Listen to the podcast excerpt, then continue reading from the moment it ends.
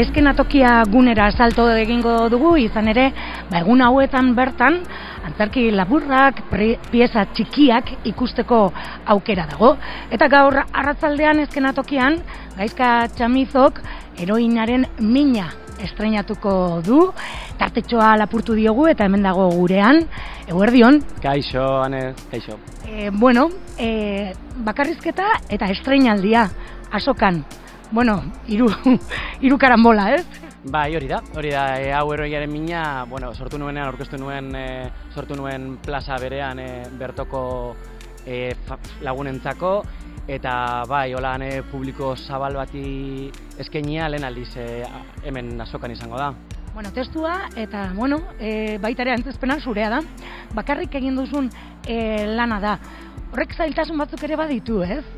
Bai, egia esan, e, lehen gomentatzu nuen lagun batekin, e, oso gutxitan antzestu izan dut bakarrik, nik neuk e, zukaldatutako lan bat, ez? Eta horrek ere, bueno, errespetu ematen dit, e, erronka bat ere bada, baina gogotsu hartzen dudan erronka bai, eta bai hori da gogoa daukat ere horrelako zerbait probatzeko nik neure kabuz publikoarentzako eskaintzeko. Eta zer kontatzen du pieza honek, badakigu, e, ba, taberna edo barra baten bueltako minak direla edo? Alako zerbait izan daiteke, bai.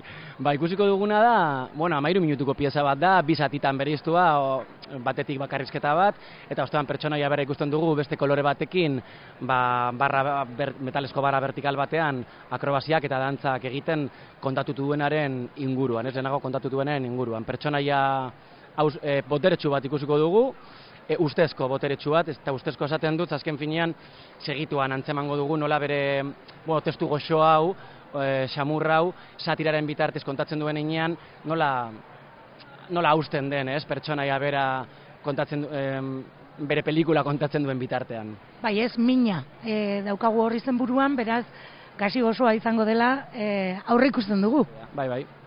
Bai, e, hori esan duan bezala, testua goxoa da, xamurra da, baina publikoari zuzen zuzenean kontatzen dion zerbait da eta publikoaren barnean zerbait mugiarazteko asmoarekin, ez? Pertsoneak berak baukan min bat, e, denok bizi izan duguna inoiz, ez? Maitasunaren inguruan eta horri barre egiten dio, baina aldi berean naizta barre egin mina sentitzen jarraitzen duen pertsonaia da, ez? Esango dugu duelo bat mm, superatu ez duen pertsonaia bat dela, ez? Naizta berak baietz uste e, bueno, ezken atokean aurkezten e, duzu, e, jendetza dabil egun hauetan ere e, gune horretan, ezakit plaza honek bertigo pixka bat ematen duen, edo frogatzeko beste modu bat ere bada, ez?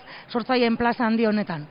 Ba, esan e, oso plaza atsegina dela esango nuke horrelako zerbait aurkezteko, e, naiz eta, bueno, errespetu eman dezakez, durangoko azoka bezalako erraldoi batean antzestea, baina gure kasuan mikroantzerkiak dira, San Agustin prestatzen dute oso polito bigunetan eta oso modu gozoan antzesteko aukera e, eskaintzen du eta publikoa berabe, naiz ez ezaguna izan, ba bueno, oso giro familiarrean e, gertatzen den zerbait dela esan daiteke.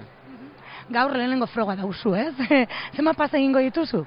Bi pase dira, bate bostetan eta bigarren pasea seietan. Eta nire pasean ostean badago beste antzeslan bat, amairu konpainarena duze dobre, osea, mm, behin joan da, bi, bi antzespen labur ikusteko aukera dago.